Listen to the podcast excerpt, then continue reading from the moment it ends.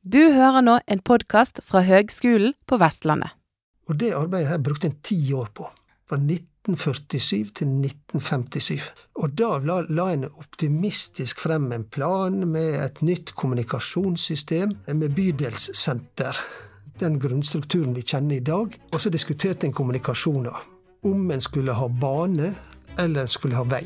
Og da konstaterte en at hvis du skal ha bane, så må du ha en streng arealpolitikk.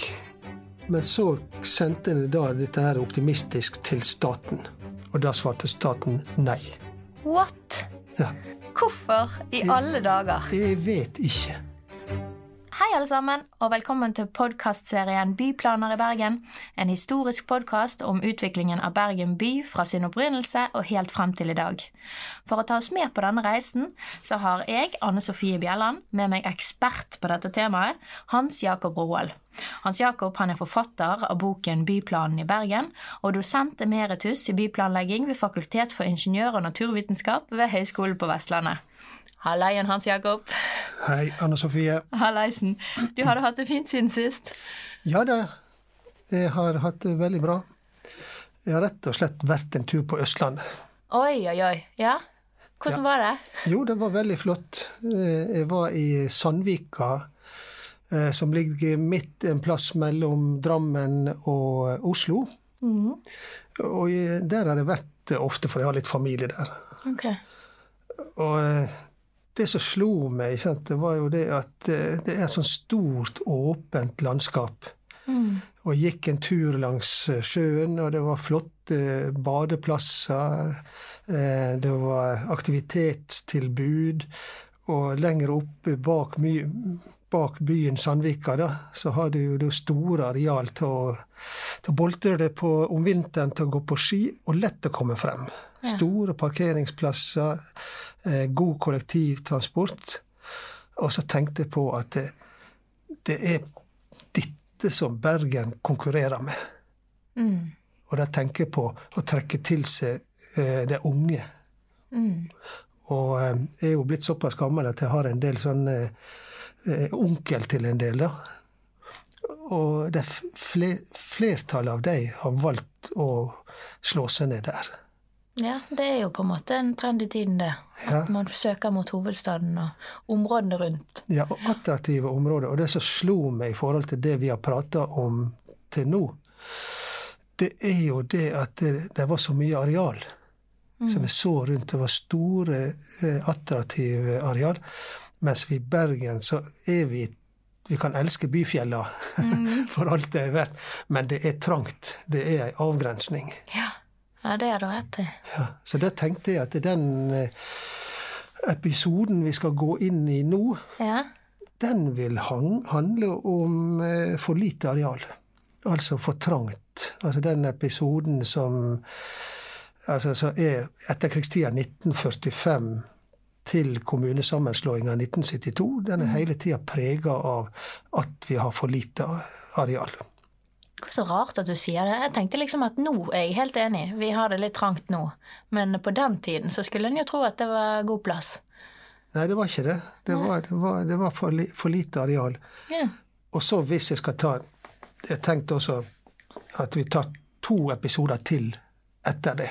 Såpass, ja. Ja, Ja, men nå, nå er vi tre episoder igjen. Ja, Slik at det, neste episode den får overskrifta kanskje 'Nok areal'. Ok, ok. Men så til slutt, da, siste episoden, så skal vi begynne å snakke litt om bærekraft og fortetting. Og da er det noen som spør har vi egentlig plutselig for, ny, for mye areal Ja. når vi skal begynne å, å krympe igjen. Ja.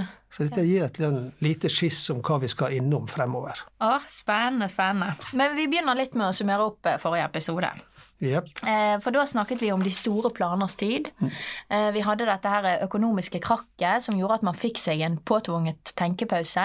Og det vokste fram et fagområde innenfor byutvikling og byplanlegging. Eh, Hva er viktig å huske på eller hente med seg fra forrige episode nå når vi skal inn i neste? Det var i grunnen veldig enkelt på den måten at du fikk et program for byplanlegging. Altså byene skulle være vakre, funksjonelle og sunne. Det var liksom tre enkle overskrifter. Og så hadde du da en sittemodell henta fra tysktalende land, hvor det at byplaner og byutbygging skulle følge landskapet. Altså mm. føye seg etter de landskapskvalitetene som var der. Og det passer jo som hånd for hanske for en by som Bergen, som ligger i det kuperte vestlandsnaturen som han ligger. Og videre så var det det at eh, dere fikk ideen til Ebenezer Howard om Hagebyen. Stemmer. Ja. Altså, du, de ga litt opp den gamle byen. Ja. Altså, du kunne ikke ta ryggtak med gamle eksisterende huseiere og grunneiere. Det ble for kostbart, det tok for lang tid, og det var for usunt i byen, slik at du måtte flytte ut av byen eh, og lage forst, sunne forsteder. forsteder. Men de første forsøka på det var ganske kostbare, da. Eh, Slik at det var ikke for alle. Det var for på en måte mellomklassen og eh, håndverkergrupperinger som kunne bygge for hverandre. Slik at bolignøden var fremdeles uløst og var stor. ja. Skjønner. Men så må vi tilbake til ett eh, år, 1933. Ja, altså eh, Vi skulle egentlig begynt på 1945, da. Men sånn som det tar tid før eh, gode ideer eh, blir satt ut i livet. Altså, de virkelig gode ideene trenger lang eh, modningstid før de kan på en måte eh, bli anvendbare. Og også det at Norge ligger litt utafor allfarvei. Vi ligger i en krok oppe i nord. Slik at det tar lengre tid opp hit enn andre plasser. Vi må bare innrømme det. Men grunnen til at vi kan hoppe litt tilbake til akkurat eh, året 1933, eh, det er fire grunner. Altså, da har du nettopp hatt ei sånn Stockholmsutstillinga som heter Akseptera. Og det var funksjonalismens inntog i, i Norge. Stor utstilling. Og det var rett og slett ei kunsthåndverk- og designutstilling. Ja. Det var ikke masseproduksjon, som var, men det var rett og slett en ny design som, som viste seg. ja. Eh, videre så hadde du et, eh, et eh, viktig prosjekt i USA under eh, president Roosevelt som het Tennessee Valley Authorities AS. Og det var da rett etter det store krakket. Og det var det en diskuterte på, så, på, rundt omkring innenfor planlegging og økonomi og politikk. Hva måtte reise seg etter et kjempestort økonomisk krakk som skapte enorm nød og arbeidsløshet. Og da var det at Roosevelt allierte seg med økonomer for å lage en, en strategi for å videreutvikle USA. Og tidligere så var økonomer det, det var noe som det private egen eh, næringsliv eh, holdt på med. ja, ok. Men han autoriserte dem til å bli eh, samfunnsøkonomer og, og være sentral i samfunnsutviklinga. Ja. Og da var det rett og slett oppdemming av eh, ei kjempestor eh, elv i Tennessee Valley, Will- Valley. Og den gikk over flere delstater. Og så laga jeg demning, jeg laga kraftproduksjon. Og så brukte jeg den krafta til å lage kunstgjødsel, til å hindre flom. Og, og denne her elektrisiteten kunne da brukes til eh, bedriftsetablering, slik at han løfta et helt område fra fattigdom med et offentlig tiltak ja. som satte folk i arbeid. Og så var det spin-off av dette som heva levestandarden for en kjempestor region. Det ble et sånt forbildeprosjekt Ja, Litt sånn sektorovergripende, på alle måter. ja, sant? At man så litt uh, helhetlig på uh... Ja, og så var det et svar på Sovjetunionen, ja. som da hadde kommandoøkonomi, Ja. og som ikke hadde tilsvarende økonomisk krise. Så det var mange som var, var liksom tenkte at ok, kanskje sovjetløsninga, sovjetsystemet er løsninga. Å ja, så måtte de på en måte bevise at det, det var det ikke. Ja, Jeg måtte Ja. greie tilsvarende innenfor et demokratisk system. Ja, skjønner. Og da er det også det at eh, det var nordmenn da som var midt oppi dette her. Og da er det to eh, stykker jeg har lyst- til å nevne. Det eneste, en som ene som heter Ole Kolbjørnsen. Andre heter Aksel Sømme. Ok. Og i 1933, så det, det er det året vi holder på med hele veien her nå, Ja. så lager de en norsk treårsplan. Hvorfor, eller hva, plan for hva, holdt på å si? Det er en veldig artig historie. Fordi at eh, Ole Kolbjørnsen, han var, han var ihuga kommunist. Å ja, ok. Han dro og meldte seg til tjeneste til Sovjet. Han lærte seg russisk. Og var med og fikk medlemskap i kommunistpartiet i Sovjet. Og kom inn i den innerste krets. Og var med å lage den første femårsplanen i Sovjet. Ja, femårsplan for hva? For alt. For alt. Veldig bra. Ja. Og, eh, og dette der var jo et eh, Så han var skikkelig innafor. Ja. Men så kom Stalin-tida, og så begynte han å erfare det at den ene etter den andre av kollegaene hans plutselig forsvant. Oh, spooky. Spooky, ja. Så tenker jeg her er det best å stikke av. Ja. Og det gjorde han. Ja. Og dette gjorde også det at han gikk over fra å være kommunist til å bli medlem i Arbeiderpartiet.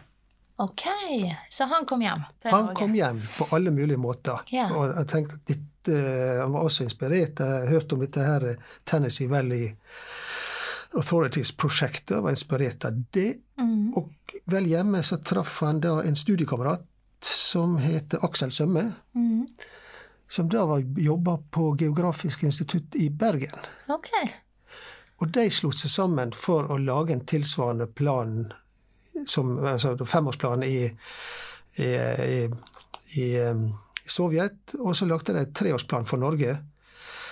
Eh, eh, hvor de da skulle kombinere eh, dette her med planøkonomi tilpassa norske forhold.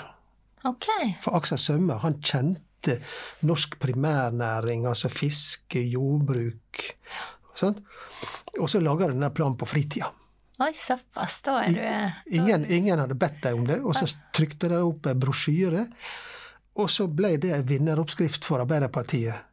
Ok, så dette er egentlig jeg håper grunnlaget til Arbeiderpartiet vi snakker om nå? Ja, Grunnlaget til Arbeiderpartiet som et reformparti, Ja. og en kjempesuksess.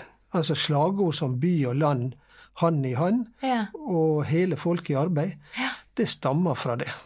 Å, fantastisk spennende, da. Men var dette også altså Den treårsplanen den strakte seg fra 1933? Nei, de brukte sikkert litt tid på å lage den. Nei, nei, nei, akkurat som en sa De gode ideene trenger tid for å bli moden. Ja. Eh, Så den ble aldri vedtatt. Nei. Den bare lå der som en sånn kunnskapsgrunnlag. Og så slo han ut i full blomst etter andre verdenskrig. Ok, ok. Jeg skjønner. Dette her var jo viktig bakgrunnsinfo. Er det noe mer vi må vite nå før vi skal bi oss på eh, dagens tidsepoke? Ja, vi kan jo ta litt grann om eh, hva skjedde i Bergen under andre verdenskrig, da. Ja, det må vi få høre. Ja. Altså for, for å ta det litt som hva skjedde i, i Norge. I Norge så hadde du konkrete krigshandlinger. Mm. Altså det var bomb, byer som ble bomba. Ja. Og da starta en gjenoppbygging, altså planlegging av gjenoppbygging av de under krigen. Og da fikk du et eget kontor som heter Brente steders regulering, som var styrt av professor Sverre Pedersen fra NTH. Okay. Så da laga en på en måte planer for, Krist, for Molde, for Kristiansund. Det er det, de nærmeste byen. Jeg tror Voss også var, var, eh, var offer for bombing da. Mm. Og, eh, så da hadde du et, på en måte et byplanmiljø som drev og planla byene på, på nytt. da. Mm. Eh, mens i Bergen så fikk du eh, ikke tilsvarende Hadde ikke tilsvarende eh, ødeleggelser, men du fikk ei en stor eksplosjon på Vågen Ja. i april 1944. Ja, Helt på tampen. Helt, og det var egentlig på tampen av krigen, slik at eh, da var det, det, var, det mangla ikke på ødeleggelser. Altså store deler av Nordnes mot Vågen eh, ble jo en ruin, og halve Bryggen og hele Håkonshallen eh, gikk jo med. Mm. Men da var det for seint til å komme inn under programmet Brente byers regulering, slik at eh, en, en, tok uh, affære sjøl. Og så Bergen måtte fikse greiene sjøl? Ja, men jeg var jo da under tysk uh, kommando. Oh, ja, for, ja, det var jo fortsatt krig, ja. Ja visst var det Ja. det. Og da var det eh, Altså, på på Nordnes da var det egentlig bare, bare var det å vente. Det hadde jo en allerede, hvis du husker den hadde jo da saneringsplaner for Nordneshalvøya som ble laga i begynnelsen av krigen, så planene lå på en måte klare. Ja, det lå jo den stilige funkisplanen. Ja, ja.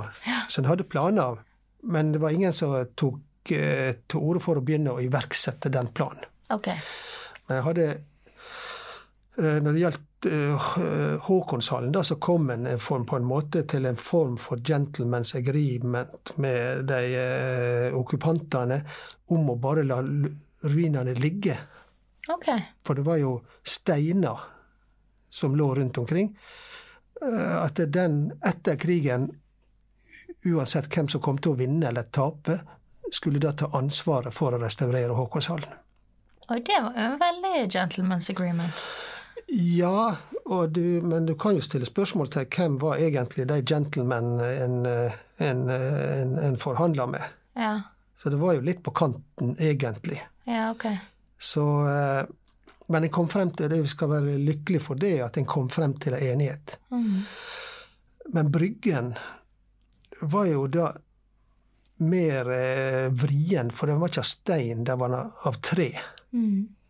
Så det var jo da en stor eh, Ja, helt sentralt i Bergen så var jo det da et eh, Ja, et ulykkessted med forvridde trerester i hytt og pine. Mm. Og da var jo noen som ville rydde tomta. Ville rett og slett det er helt naturlig å rydde, rydde ei, ei krigsskadetomt. Ja, ja. Det gjorde en overalt. Mm. Men da oppsto det en veldig uh, pikant situasjon, fordi at da hadde jo du også da uh, uh, Du hadde da kulturminneinteresse i Bergen, som ville bevare Bryggen. Mm. Og du hadde også kulturinteresse blant okkupantene som også ville bare bevare Bryggen. Ja, for de så litt på Bergen som litt sin egen arv òg, på en måte, i noen grad. Ja, det var jo en del av motivet for, for rett og slett for okkupasjonen, det at de skulle tilbake til sitt opphav. Å ja, så Norge var liksom opphavet, eller? Det var der de forventa å finne urgermanerne. Ja, ja, ja. Dette er litt sånn ekkelt å tenke på ja. i dag. Eh, Men da ble det da gjort et vedtak om at Bryggen skulle bevares med henvisning til Hansa-tida, Mm. og, og, og til tysk-norsk byggeskikk. ja.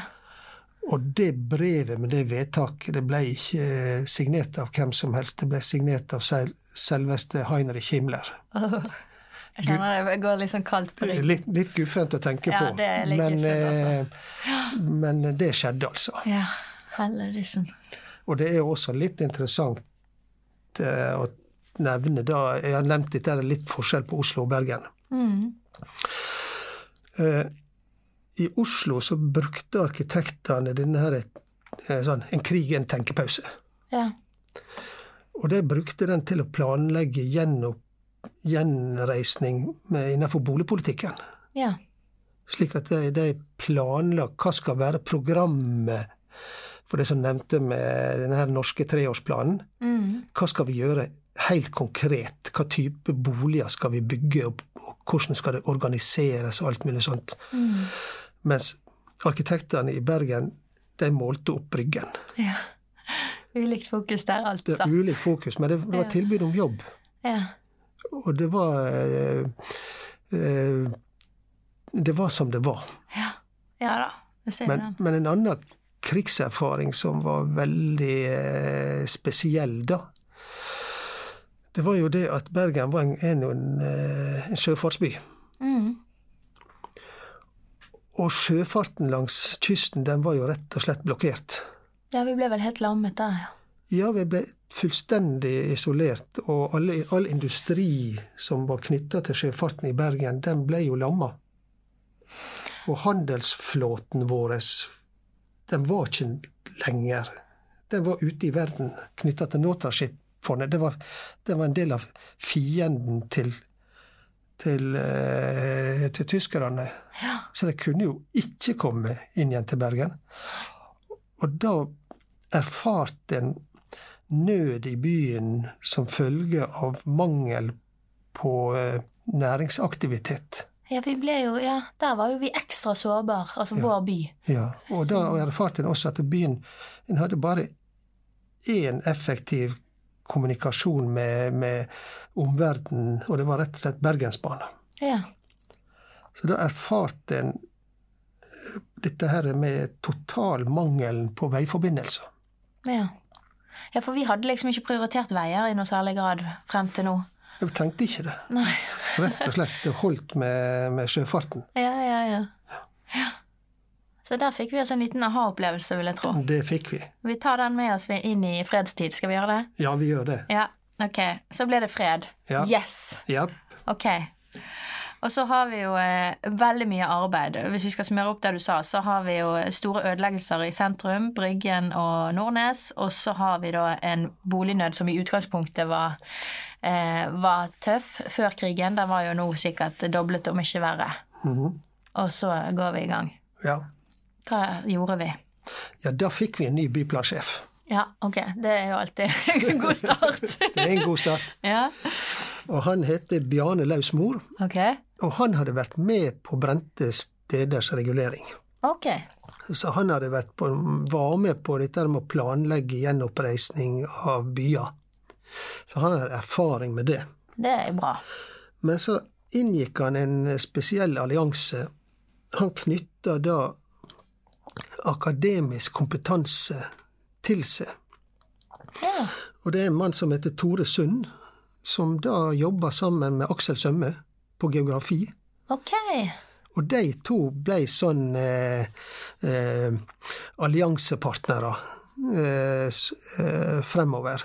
Og det var igjen tilbake til denne tanken fra Tennessee Valley, hvor en på, eh, hvor en da autoriserte akademisk kompetanse inn i, inn i, eh, inn i planlegginga.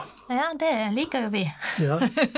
Og da har jeg lyst til å nevne han Tore Sund, for han er en størrelse som har fått uh, altfor lite uh, oppmerksomhet.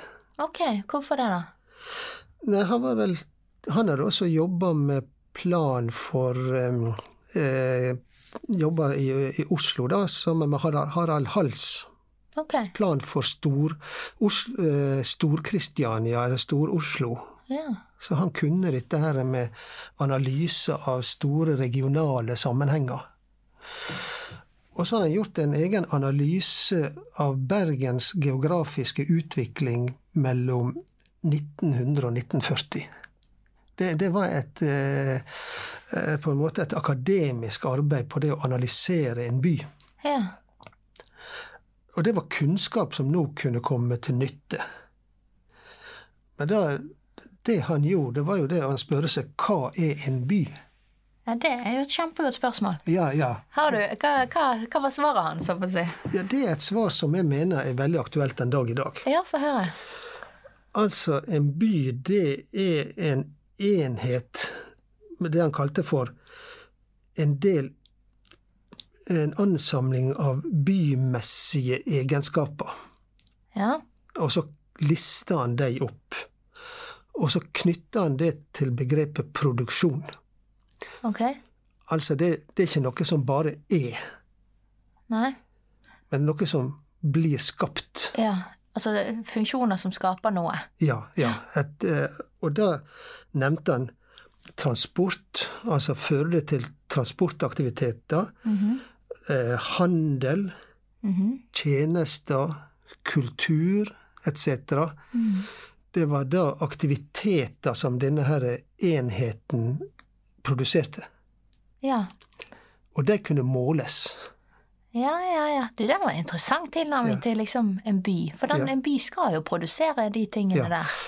Men så sa han også da en interessant ting, det at bolig er ikke en, en eh, spesifikk bymessig eh, fenomen. For bolig skaper ikke noe utover det akkurat det en, en blir bygd. Den blir jo, altså Boligen i bykontekst blir jo da et verktøy for å få til produksjonen av alt det andre. Det er jo en må, du må, nødvendighet. ja, du må, ha, du må ha folk der. Ja. Si, men du produserer ikke noe sånn stemte fenomenet bolig ut som en spesifikk by, bymessig egenskap. Jeg skjønner. For du har jo boliger over hele landet Ja, ja. uten å være by. ja, jeg ser jo den. Ja. Men et nødvendig verktøy for å få til produksjonene som han listet opp. ja. Ja. Og så brukte han dette her til å sammenligne da Oslo og Bergen. Og det Ok, nå er jeg spent. Ja, Ja, fordi at det, denne her analysemet- objektive analysekriteriet, da. Ja. Og da kom han til et ganske nedslående eh, resultat. Oh, ja. For da sammenligna produksjonsaktivitet innenfor disse forskjellige felta. Eh, og delte det på rett og slett størrelse på byen, altså antall beboere, for å gjøre det sammenlignbare. Mm. Og da tapte Bergen på, på alle punkt uten ett. Nei, gjorde Jo. vi det? Ja. Gåvan. Men hva tapte vi ikke på, da? Vi må jo begynne med det, Det var en konsentrert handelskjerne. Ja, ok. Ja, vi har et Det- trangt lite sentrum, så Ja, men der var aktivitetene eh, større. Altså igjen handelsbyen Bergen, den, eh, den var mer aktiv og produserte mer enn hva handelsbyen Oslo per innbygger. per innbygger. Ja. Mens eh, transport, eh, tjenester og kultur oh. lå, lå, lå Bergen etter. Hva kan det skilles? Jeg vet ikke, det bare Det vil jeg ikke spekulere i, men det bare var sånn. Ja, ok. Fair Men, enough. men også var jo det at det, kanskje bergensere karakteriserer seg sjøl som mer utadvendte øh, folkeslag, ikke sant? Eh, Og nei. Nei, tydeligvis ikke. Vi holdt oss hjemme, vi, mens Oslo gikk på kafé og eh, Oslo, teater. Oslo var mer utadvendte, gikk mer ut og brukte kulturtilbudet enn bergenserne. Ja. Men dette er jo en analyse som er gjort da i forkant av krigen. Ja, og, og nå kunne han anvende den. Ja, ja. Og, da, og det gjorde han på to, to helt konkrete områder. Det ene er at eh, han gikk i kompaniskap med Han ble bedt av Bjarne Lausmor om å lage en, en generalplan for Bergen, Bergensregionen. Mhm. Og så ble han da også bedt om å være med å programmere en, eh, en reguleringskonkurranse for sentrum. Okay. De to tinga gjorde de sammen. Ja. Så jeg kunne tenkt meg å rett og slett hoppe på den første første. Var generalplanen? Ja, Ja, gjerne. ja. For det er den det var Du sa han var for, for altså, altså region Bergen. ja. Skal vi prøve å grense den litt, da? Altså, hva snakker vi? Ja, altså Bergen på det tidspunktet her, det var jo sentrumskjerner, sånn som vi kjente det. Eh, Sandviken, Mhm. deler av Årstad, Ja. altså rundt eh, opp til Brann stadion og sånn. Eh, og Laksevåg lå f.eks. utafor Bergen, det vi snakka om da. Det var en annen kommune? Det var annen kommune. Ok, Men den inngikk da i denne generalplanen? Ja, der tok han med seg alle de kommunene vi kjenner som Bergen i dag, Ja. pluss Askøy. Ok, ok. Mens Bergen håper jeg, på den tiden var så liten som du nettopp beskrev. Ja, ja, Samviken ja, eh, ja. Og egentlig. dette der var Det å tenke regionalt, det var jo en eh, basiskunnskap som prega all byplanlegging i Europa, med med Abercrombie sin plan for gjenreisning av eh, London som forbilde med å på en måte lage et stort grønnbelte rundt gamlebyen, og så ha dette her med Newtowns eh, utafor. Mm. Det var det på en måte alle så etter. Ja, jeg skjønner. Var dette kanskje òg et motsvar litt på Eller ikke motsvar, men en respons på den erfaringen man gjorde seg under krigen, at man var litt sårbar? Ja, det ble rett og slett eh, stilt spørsmålstegn ved er det ønskelig og mulig å videreutvikle en stor og viktig by i Norge akkurat her. Oi, så hele Bergens eksistens ble faktisk eh, Den ble, det ble stilt spørsmålstegn ved det. Ja. Og det analysearbeidet som da ble gjort, hadde jo som mål å svare ja på det. Ja, ja. Men ikke under enhver forutsetning. Altså, det var å kartlegge utfordringene. Ja. Og utfordringene lå jo i landskapet. Mm. Og utfordringa lå inne ensidig avhengig av, eh, av sjøtransport. ja. Så da, det som han Tore Sund eh, bestilte, det var jo eh, at ulike fagmiljø fikk komme med sine bidrag inn i en felles rapport innenfor denne utvida Bergen, Storbergen, eller Bergensregionen. Mm. Og det syns jeg var veldig fascinerende, eh, for det der mobiliserte du og autoriserte masse fagmiljø. Det var jo egentlig genialt. Ja, For det, folk kan jo best det de kan best. ja for eksempel Turlaget i Bergen lager da en egen rapport om eh, om det med, eh, med naturen, bruk av naturen og kvaliteten på naturen og byfjella og badeplasser og alt. Meteorologisk institutt eh, lager analyse av, eh, av klima. Og så, sånn gikk han fra fagmiljø til fagmiljø og bestilte utredninger. Og der finner du bl.a. på, på økonomi. ikke sant? Det var nok, noen av Norges fremste økonomer. Så da fikk du en, en nei, I dag er dette ordet med dugnad veldig populært. Ja. Men da var det også det er ikke bare dugnad med at du skal være eh, du skal være med på et lag, men du skal virkelig levere og bidra til noe. Og det syns jeg var et, et for, Tenk på det etter, etterpå. Det å autorisere ulike fagmiljø til å bidra. At ikke kommuner skal sitte på en måte og være og mene alt om alt Mm. hele tida, men rett og slett eh, bestille ting fra de som kan det best. Jeg syns det høres egentlig veldig fornuftig ut. Ja, Og så kan kommunen være moderator, sant? for de fleste hegner jo om sitt interesseområde. sant? ja kommunen har uansett det siste ord. Ja, Det skal sant. sy det sammen til en plan. Ja, ja, ja. Det der var en lur metodikk, du. Sant? Hallo, folkens, husk dette. Ja, ja. Bare roper det ut. det var veldig bra. Ja, ok, Så dette blir en bra eh, generalplan, da? Skal vi ja, og da var det kommuner kom inn Ja, og sydde det hele sammen. ja, ja. Men det må jeg også si hva var kommuner på den tida. Ja, få høre. Hva var kommunen da? Altså Planavdelinga da, de hadde fem stillinger. Og bare to av dem var betjent. Oi. Og det var en Når vi snakker da om om de lager gode eller dårlige planer på den tida, så må vi huske det at det hadde en veldig liten stab. Ja. Og det var veldig stor gjennomtrekk. Hva- Hvorfor eh, var den situasjonen sånn, tror du? Jeg vet ikke, altså det var jo det var jo ikke mangel på fagfolk, for nå fikk du på en måte de store kulla fra NTH be- begynte hadde fått noen år på baken, og det kom entusiastiske eh, nyutdanna folk skulle være med å gjenoppbygge både byen og landet. Ja, ja, ja. Men det var rett og slett jeg tror det var lønn. Ja. Du tjente Kost. bedre i, i det private, og kommuner greide ikke å matche eh, eh, ja, lønns, Altså eh, rigge seg. Nei, jeg skjønner. Og det er i grunnen eh, Og dette varte veldig lenge. Det at det offentlige tar på seg store oppgaver uten å greie bemanne seg til å gjøre oppgavene, det, det er et eh, Eller det var et, et, et tankekors, da. Mm. Ja, det må vi ha i bakhodet. Ja. Og så var det visse ting som allerede var i ferd med å skje. F.eks. lokalisering av Flesland flyplass. Ok. Det var under bygging.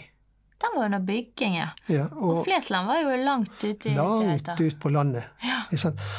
Slik at, og eh, diskusjon av eh, etablering av Håkonsvern ikke sant? Ja. Det var for full. Slik at det, bygging av byen var all, eh, Altså byen i regionen var allerede på gang. Jeg skjønner. Uten at det var samordna. Ok. Ingen hadde tenkt på vei ut til Flesland, for eksempel.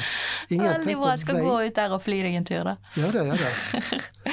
Og da var det de kom frem til en, eh, en, eh, en plan da som fikk fanga inn industribygging. Ja. Den var allerede full gang i Laksevåg kommune. Ja. eh, Rett ved siden av. Du kunne se det, og byen trengte eh, kommunikasjon over til den industrien. Og masse industri på, ute på Askøy. Jeg skjønner. Så denne planen skulle se alt dette i sammenheng? Ja da, og da laga en et forslag til et transportsystem mm. med veier ut til de, alle bydelene. Og det er viktig, det som jeg glemte å si, at alle nabokommunene var med på det. Det er så fint, da. Ja, En laga et eget eh, generalplankontor, ledet av Bergen kommune, og alle nabokommuner da var med. Sånn, ok, dette er vi med på. Så man snakker om sånn eh, interkommunalt samarbeid? Ja, frivillig interkommunalt eh, samarbeid. Ja. Og det arbeidet her brukte en ti år på. Oi. Fra 1947 til 1957. Ja. Og da la, la en optimistisk frem en plan med et nytt kommunikasjonssystem og en, eh, med bydelssenter. Altså, eh, da er det lokalisert en f.eks. i Fyllingsdalen hvor det nye bydelssenteret skulle ligge, og samme i, eh, i, i, i Fana og ute i Åsane. Så da var, da var på en måte grunn, den grunnstrukturen vi kjenner i dag, den ble Lagt i den ja. Og så diskuterte en kommunikasjoner. Ja. Om en skulle ha bane, eller en skulle ha vei. Ja.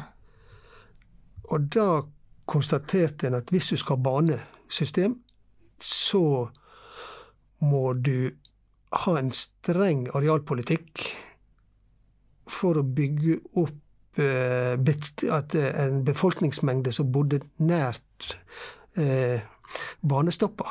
Ja, ja. Og derfor trengte du en streng arealpolitikk. Ja.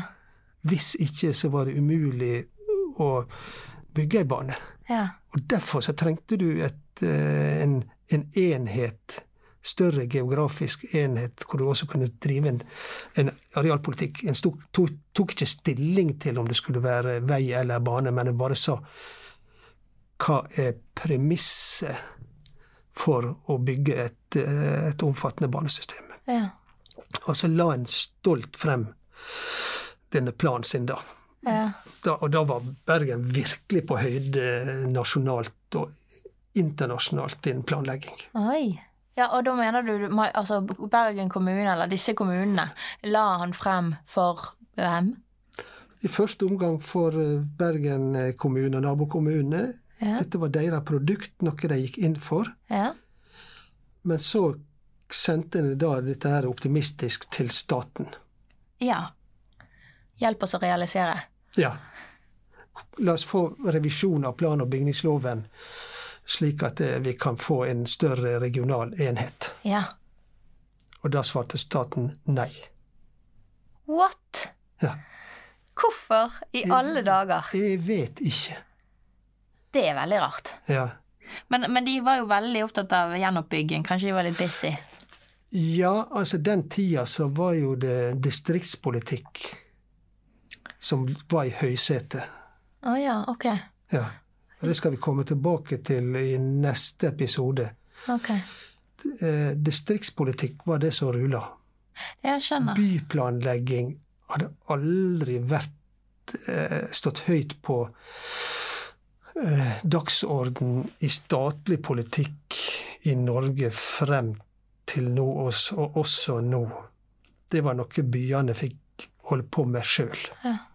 Det var sikkert litt fordi at altså, å være motstandsdyktig som land i en krig, da må du være litt overalt. Det, det, sånn, rent distriktsmessig, sant.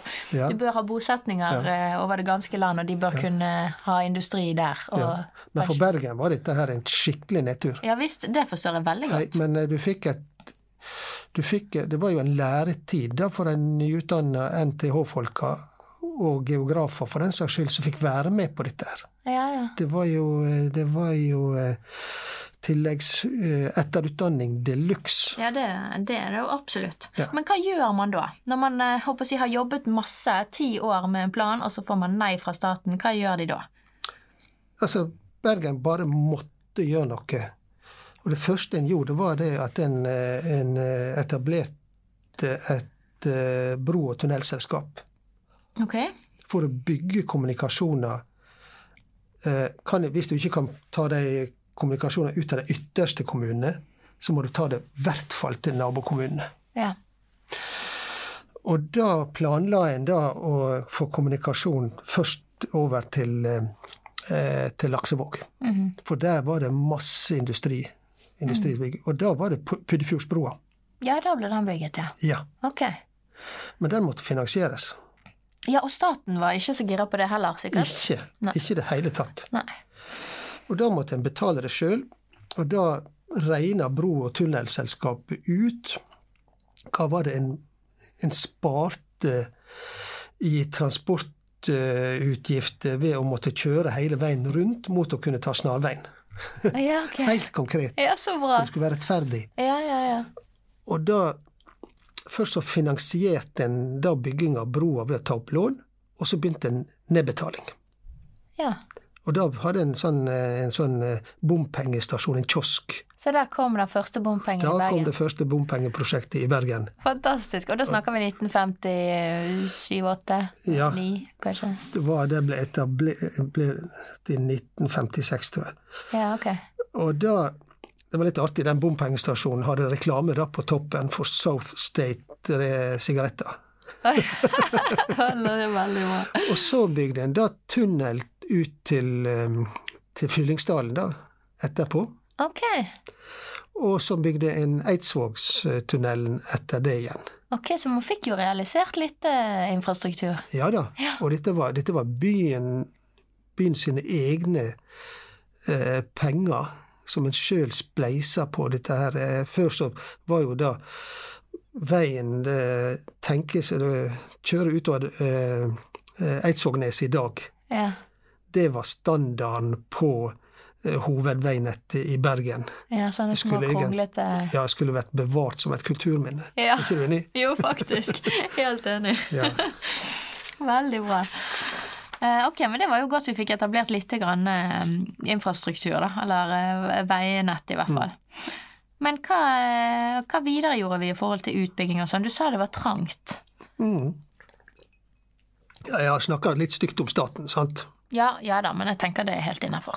Er det innafor? Ja. Ja, jeg syns jo det. Eller sånn, eh, eller vi- Hvis vi skal forstå staten litt, så, så hadde de jo et eh, land som hadde vært i krig, og det var mange land, byer som var brent helt ned. og ja, ja. De lagde store planer for boligbygging og sånn, så de gjorde jo mye bra. ja det er stikkordet. Boligbygging. Ja, vi går der, da. Ja. Husbank, kanskje? Jepp. Yes. Der satser staten. Der satset de. Ja.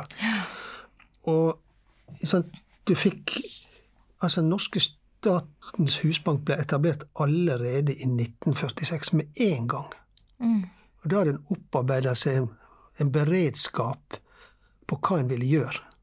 Ja, det hadde jo Oslo tenkt på, ja, ja. Ja. Og da var det en helt der som heter Kielland, som også bør være løftes frem, og som eh, i ubeskjeden sier han var arkitekt. Han sto bak både gjenreisning av krigsskada byer og programmering av, av bygging av nye forsteder. Ok. Og dette med forsteder, det kom jo på en måte Ideen kom igjen da fra forbildelandet på den tida, som var USA. Ja. Og da kom jo det store mengder med soldater tilbake som hadde vært ute i krig. Og du kunne ikke bare sette deg av på kaia og klare dere sjøl.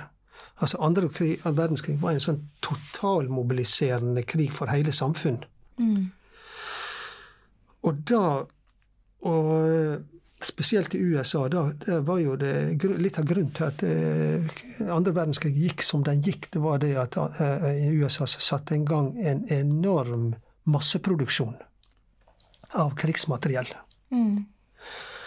Eh, og nå kunne en bruke den masseproduksjonen til å eh, bygge en velferdsstat. Ja.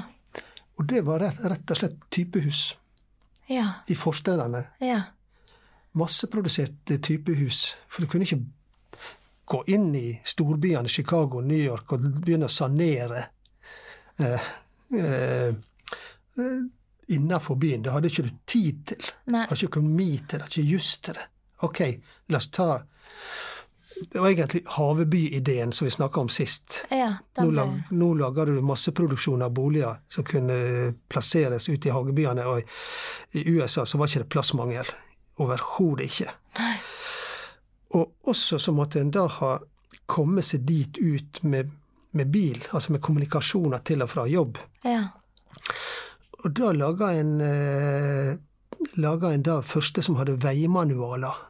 Å, ja, så det var først da man begynte å lage veimanualer? Ja, ja. Det Med ulike bredder? Og, Ja, ja, ja. ja. De ble da eh, eh, skapt i, i USA. Ja. Og i dag har vi en sånn litt sånn nedlat... Eller litt sånn Vi snakker om motorveier. Ikke sant? ja, Det er liksom ikke det hyggeligste ordet. Nei, det er ikke det. Nei.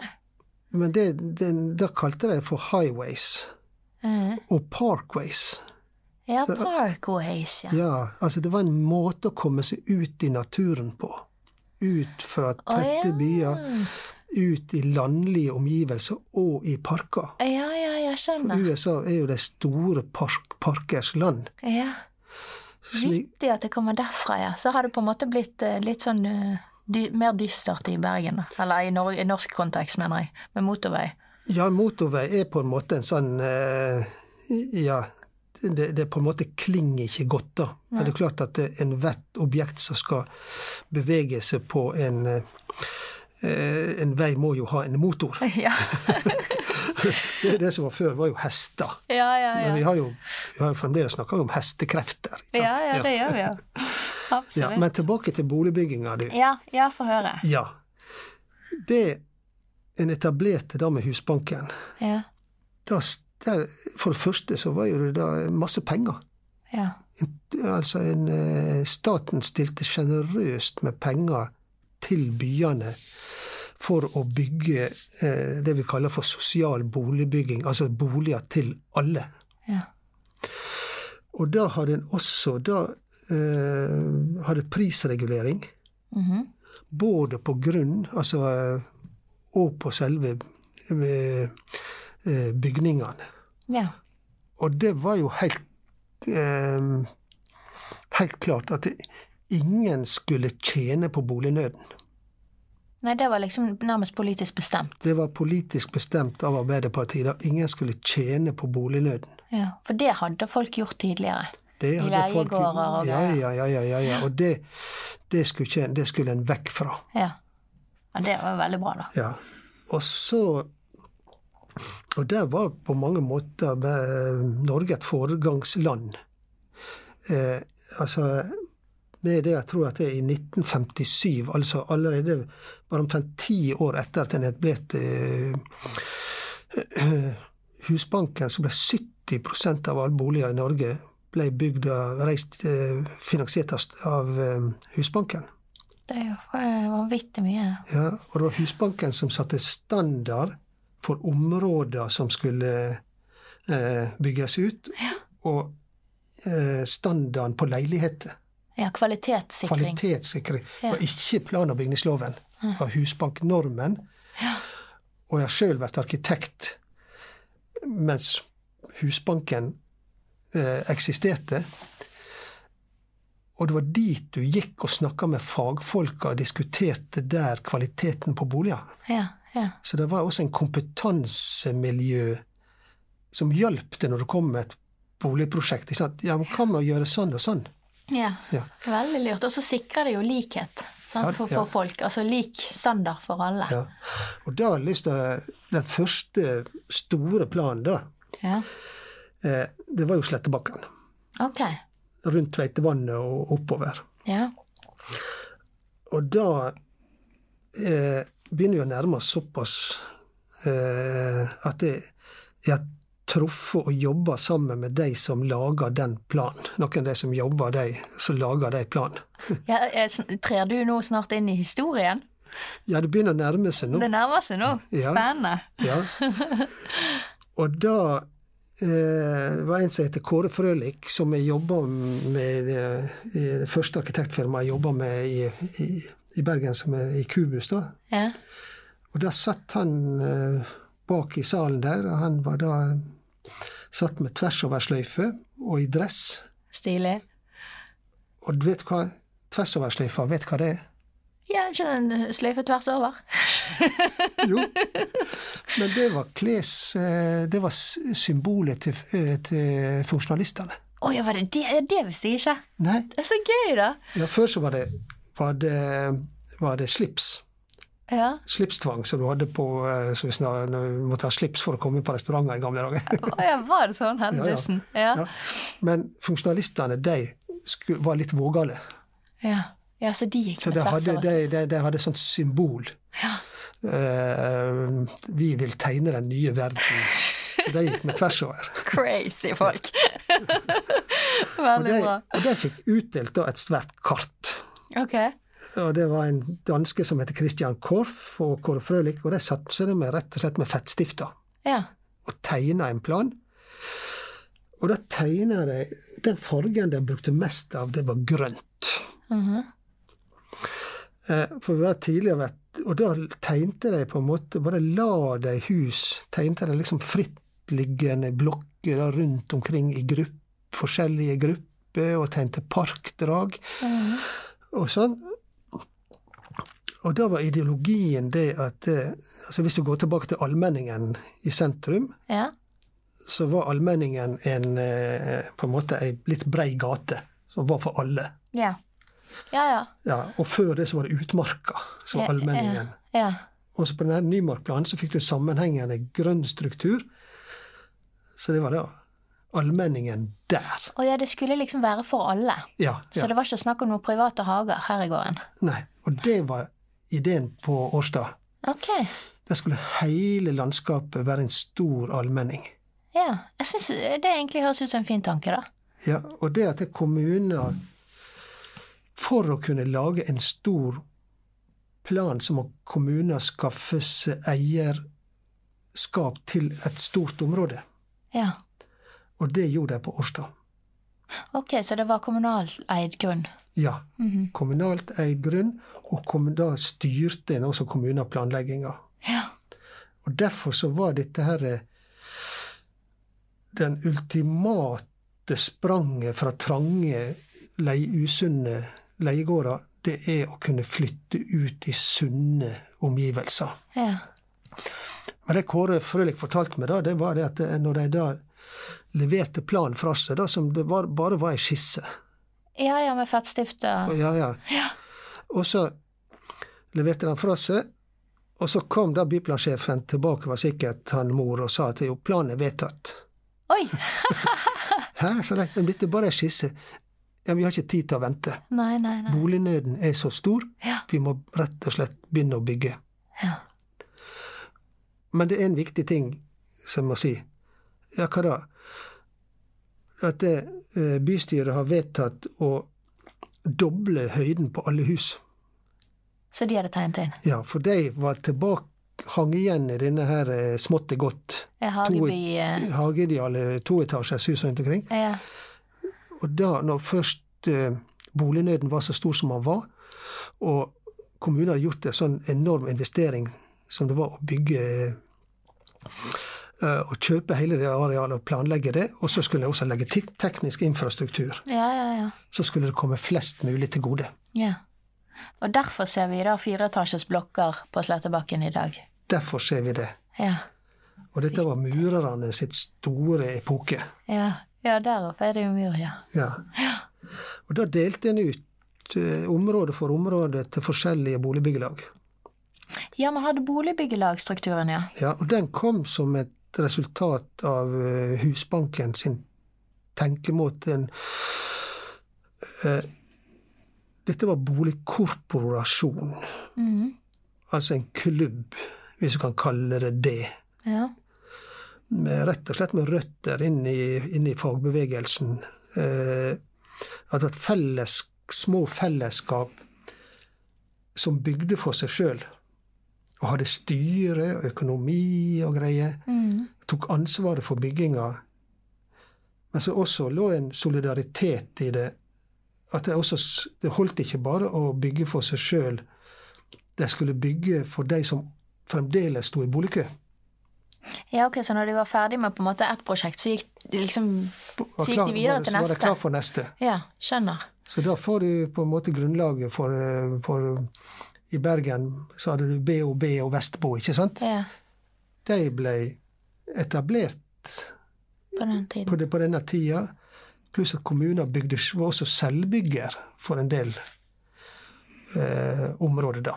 Men da var det, jeg håper å si, eh, eh, non-profit, men det var jo likevel folk som jobbet i det, som fikk sin lønn, på en måte. Ja, den lå fast inne. Ingen skal tjene på bolignøden. Nei. Så nei. en boligbyggelager, de kjøpte ei tomt for det det hadde kosta å opparbeide henne, og ikke noe mer. nei, Og den solgte hun videre til sine medlemmer, igjen for det det hadde kosta å bygge den. Ja. Det en tanke, sant? ja, veldig. Mhm. Veldig. Og så er det litt morsom ting som å si da. Ja. At, eh, eh, på Slettebakken så fikk du Norges første shoppingsenter. Sletten senter? Ja. Nei, hvor gøy! Norges første. Du, jeg Norges liker alle sånne første. første, største, beste. Ja da, ja Love da, it. ja da. Ja, Norges første shoppingsenter. Det var ikke verst. Ja da. Og dette er fellesarealet som da var på denne hesteskoen foran. Ja. Eh, vet ikke om du husker det? Jo da, det er jo Ja, sånn lite sånn Ja, Det var en, skulle være parkeringsplass Oi. for biler. Det sånn tre biler. Ja, og den gangen så ble det gjort til latter. Mm.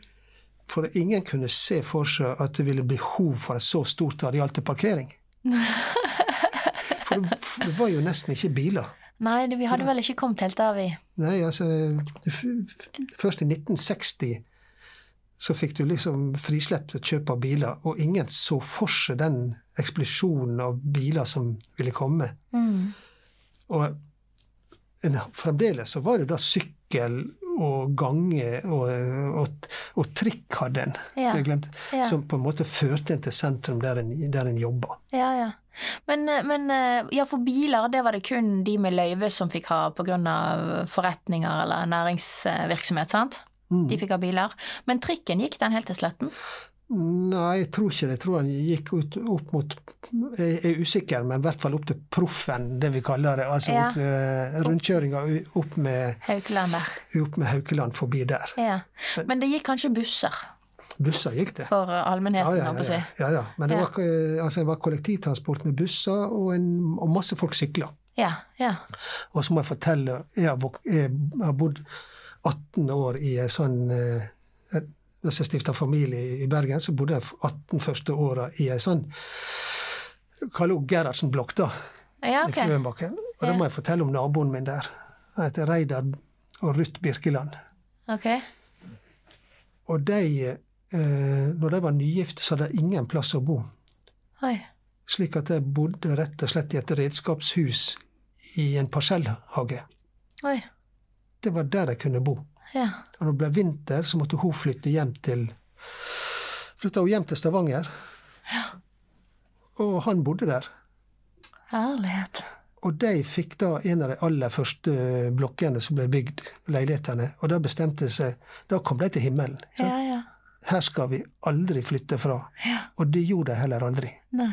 Så dette, dette Vi greier i dag ikke å forestille oss for det første bolignøden. Mm. Og dette her fantastiske løftet det var for eh, folk sitt hverdagsliv. Mm. Å komme inn i, i ordna forhold som du du hadde styr på, kontroll på din egen leilighet, og du kunne også slippe barna ut Ja. Ja. uten å være redd for dem. Ja. Eh, Men, men du, arkitekturen oppe på Landås, da. Du har jo tidligere nevnt Le Corbusier som en sånn eh, forbilde for funksjonalismen. Ser vi han eh, der oppe, eller?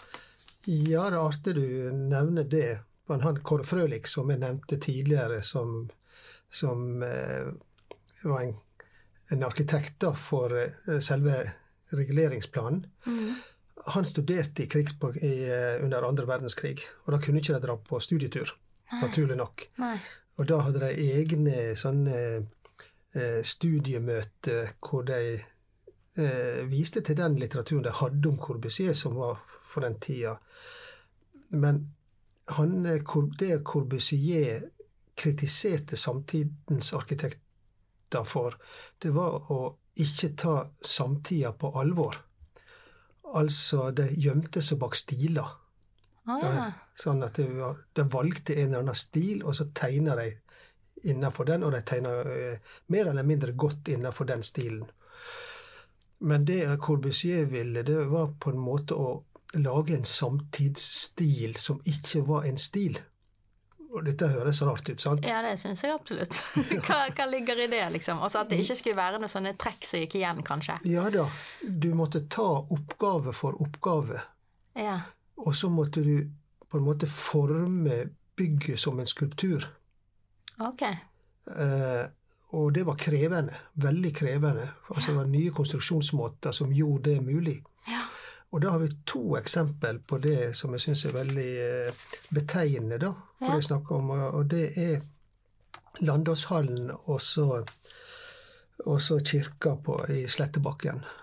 Og Landåshallen var tegna av Kåre Frølik, og den kirka på eh, Og den var jo da Hvis du ser på den, så er jo den eh, bygd i veldig enkle industrimaterialer. Mm. Det var ikke forfina materialer, det var rett og slett korrigerte stålplater og betong.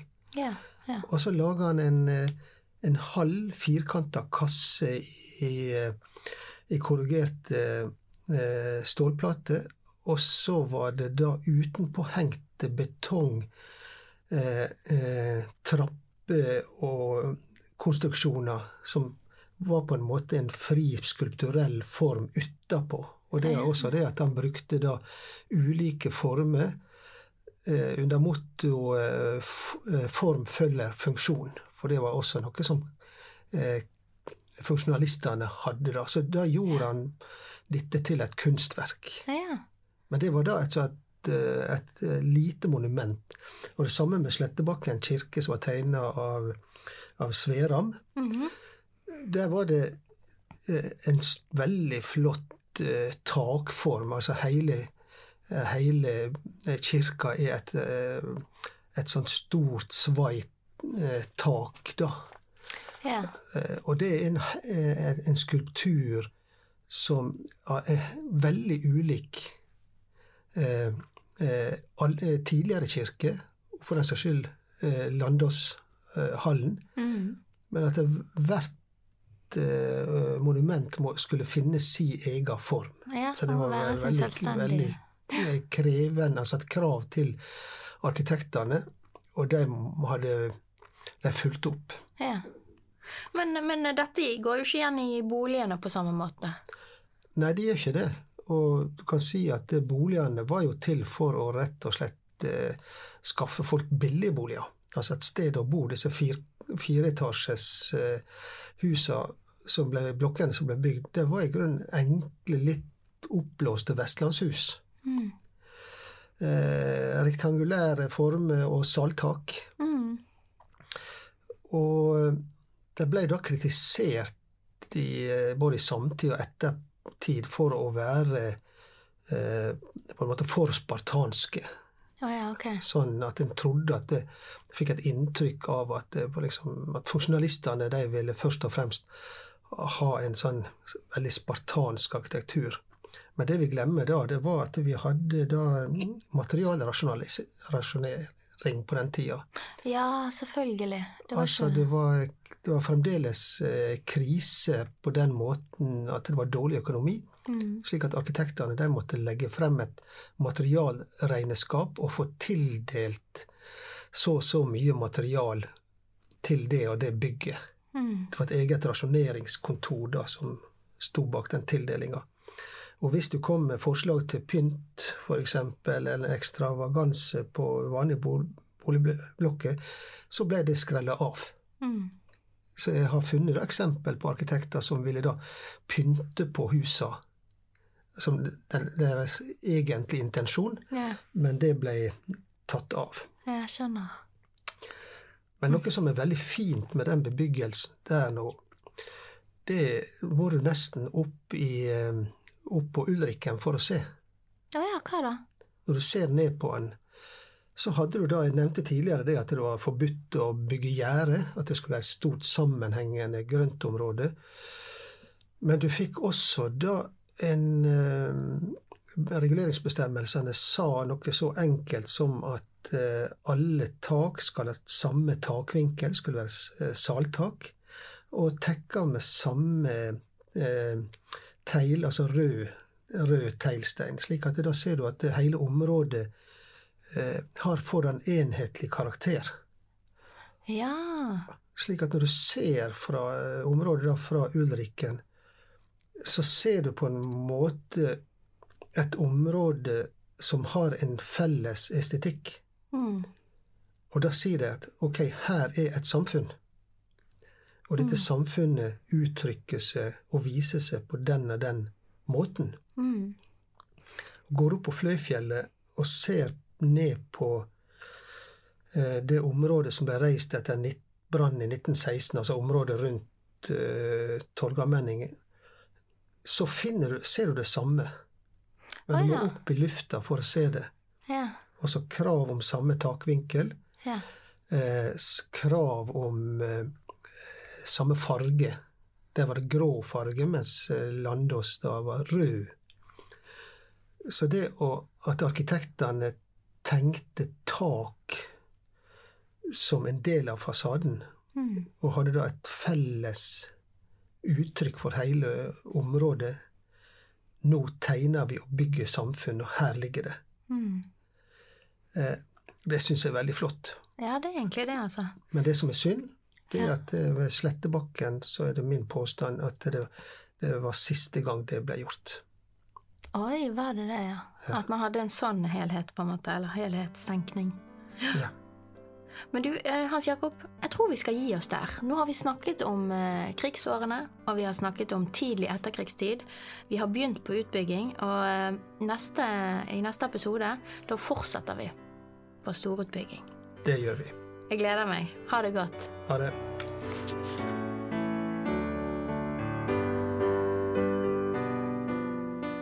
Du har nå hørt en podkast fra Høgskolen på Vestlandet. Du kan høre flere podkaster fra oss ved å gå inn på nettsiden hvl.no. slash podkast.